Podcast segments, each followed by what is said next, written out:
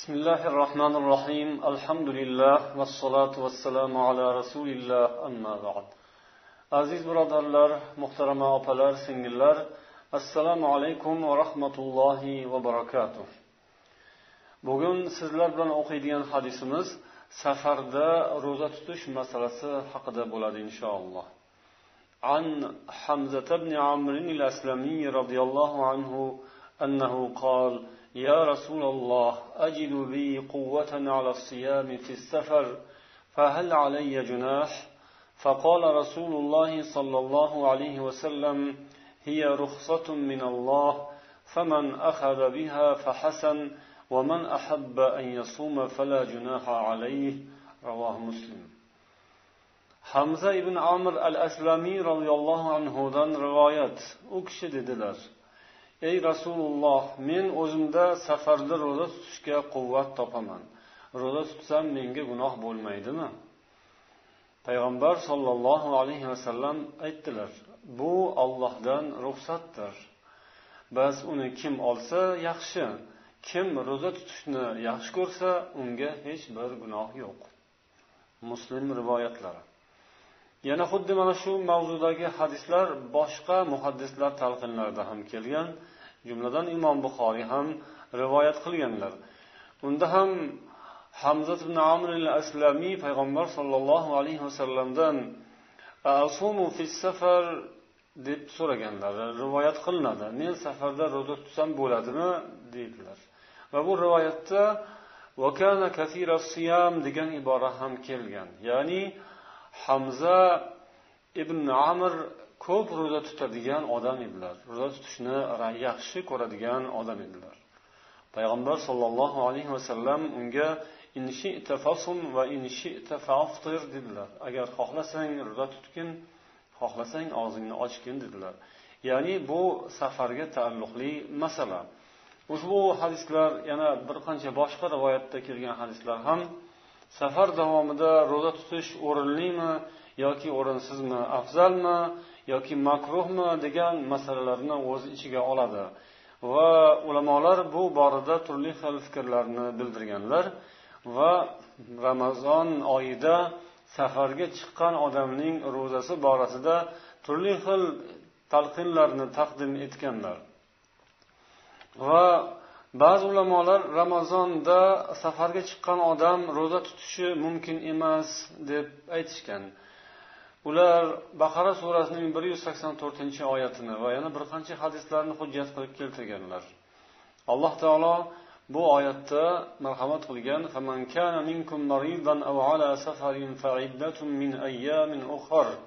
kimki sizlardan agar kasal bo'lsa yoki safarda bo'lib qolsa u boshqa kunlarda tutib bersin degan. Mana shu oyatga asoslanib demak safar qilgan odam ro'za tutishi mumkin emas. Boshqa kunlarda tutib berish kerak. Chunki olloh shunday dedi deb aytishgan. Lekin bu tavil xato bo'lgan. Hadislarda ham payg'ambar sollallohu alayhi vasallamdan yana mana shu fikrni tasdiqlaydigan hadislarni go'yoki keltirishadi. Ya'ni ularning birida aytiladi payg'ambarimiz sollallohu alayhi vasallam ramazonda safarda bo'lgan paytlarida bir odamni ko'rdilar.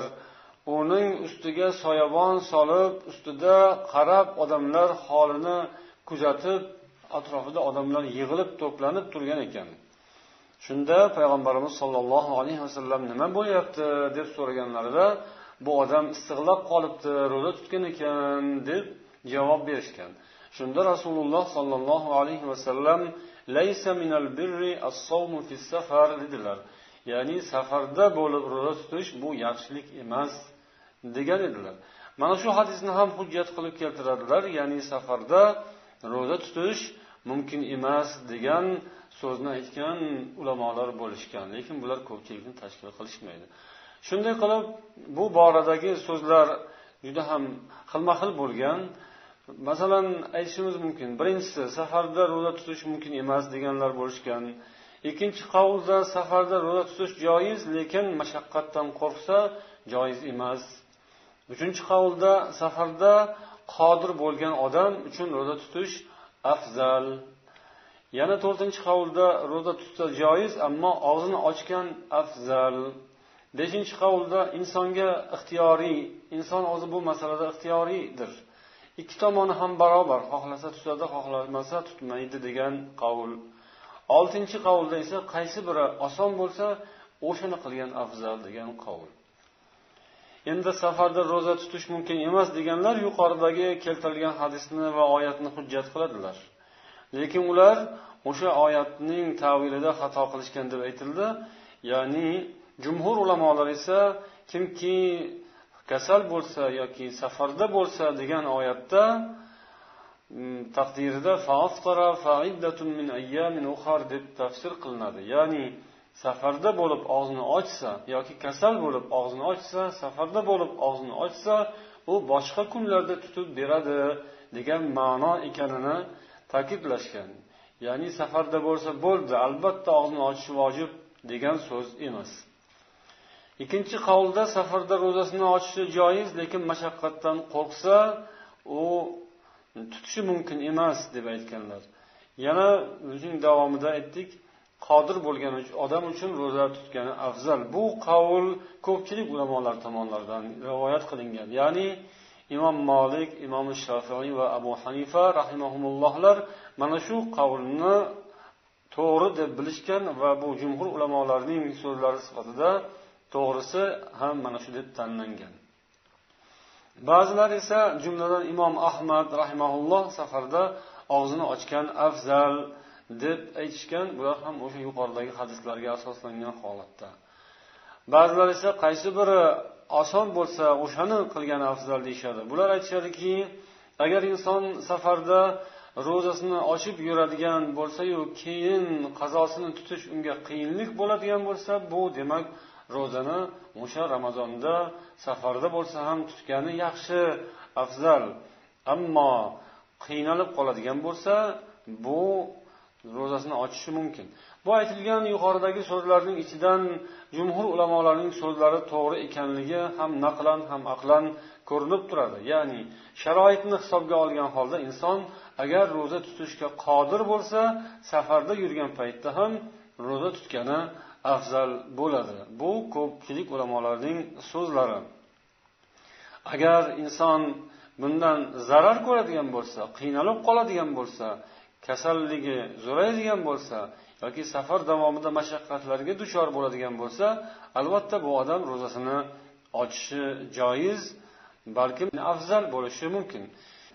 Endi safar davomida ro'zani ochish mumkin bo'lgan balki afzal bo'lgan holatlar haqida to'xtalib o'tadigan bo'lsak yuqorida aytganimizdek kasallik va mashaqqat.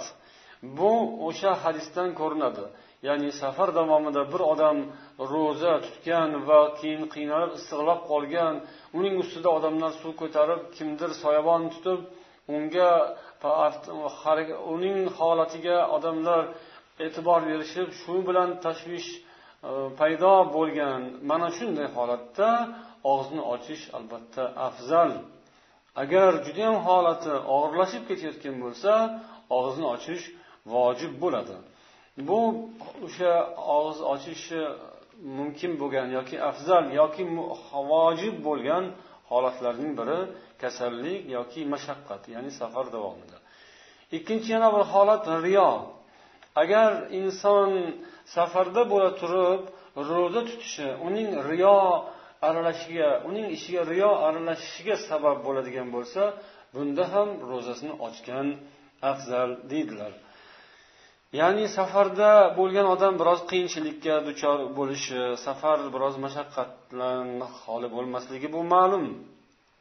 Shunday bo'lsada safarda bo'la turib ro'zani ochishga ruxsat borligini bila turib olloh va payg'ambar ruxsat berishganini bila turib ham ro'zani tutish go'yoki bu odamning taqvodor ekanini ko'rsatayotganday bo'lib qolsa atrofdagi odamlar bunga nisbatan buni qarangiz safarda bo'lib ham ro'zasini ochmayaptiya judayam bir dinda mustahkam ekan taqvodor ekan degan fikr uyg'onishini go'yoki dilidan o'tkazib qo'ysa ko'nglidan shunaqa fikr o'tsa odamlar shunaqa deyishayotganmikin mani haqimda safarda ham ro'za tutyaptilar degan fikr o'tyaptimikan degan narsa uning xayoliga o'zining fikriga kelib qolsa demak bu riyo aralashgan bo'ladi bunda uning savobi ketib qoladi bundan ko'ra og'zini ochib yurgan yaxshi afzal deyishadi buni imom tavariy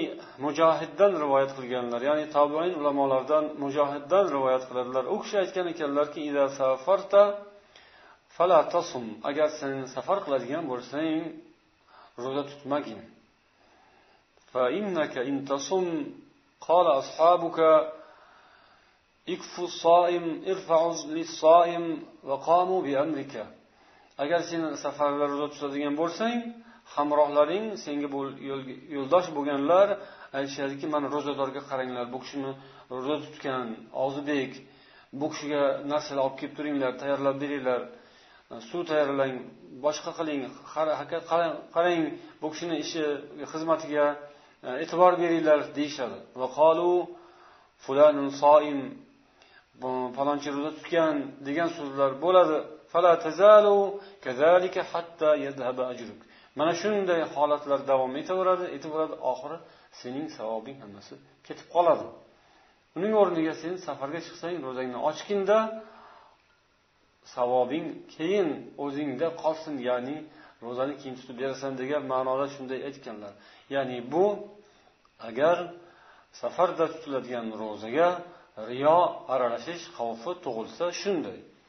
Ammo riyo bo'lmasa safarga chiqqanlarning hammasi deylik hamrohlari yo'ldoshlar hamsafarlar ro'zador bo'lishsa shunga kelishishgan bo'lsa qiyin bo'lmasa bu afzal albatta. Riyo bo'lmasa mashaqqat bo'lmasa demak o'z vaqtida ramazon kelganda ro'zani tutib olish bu afzal. Yana safar davomida ro'zani ochish mumkin bo'lgan holatlardan biri biror bir zarurat tug'ilib biron bir xizmatga inson ro'baro kelsa ya'ni musulmonlarning yoki xalqning odamlarning foydasi uchun biror bir xizmat bir yumush vazifa agar ko'ndalang bo'lgan bo'lsa ana shu paytda ham ro'zani ochgan afzal bo'ladi. Chunki safarlar davomida rasululloh sollallohu alayhi vasallamning sahobalari bilan qilgan safarlari asnosida mana shunday hodisa ro'y bergan ya'ni safar davomida ular issiqlab bir joyga qo'nib bir manzilga tushib dam olishgan paytda ba'zi sahobalar ro'zalarni ochganlar ba'zilar ochmaganlar. Ro'zalarni ochib ro'zadorlarga xizmat qilganlar bo'lgan. Ularni ot ulovlarga tuyalarga qaraganlar o'zlariga soya qilib turishgan boshqa shunday xizmatlarni qilishgan. Ya'ni buning uchun o'zlari ro'zani ochib quvvat hosil qilib keyin ro'zadorlarga xizmat qilganlar. Ana shunda rasululloh sollallohu alayhi vasallam dedilar. Bugun ro'zasini ochganlar savobni olib ketdilar deganlar. Bundan ko'rinadi xizmat uchun zarurat uchun safarda bo'lgan odam ro'zasini ochishi joiz balki avlo afzal bo'ladi. Umuman olganda esa safar davomida ro'za tutish joiz balki afzal. Ya'ni jumhur ulamolar. Agar moniyliklar bo'lmasa mashaqqat bo'lmasa riyo aralashmasa qiyinchilik juda ham haddan tashqari qiyinchilik bo'lmasa safar davomida ro'zani tutgan afzal deyishadi imom abu hanifa imom molik imom shofiy va boshqa bir qancha ulamolar. Alloh taolo barchamizga o'zi ramazon oyini chiroyli o'tkazishimizni muyassar aylasin safarda bo'lganlar ham sog' salomat eson omonlik bilan uylariga qaytishlarini alloh muyassar etsin. Assalomu alaykum va rahmatullohi va barakatuh.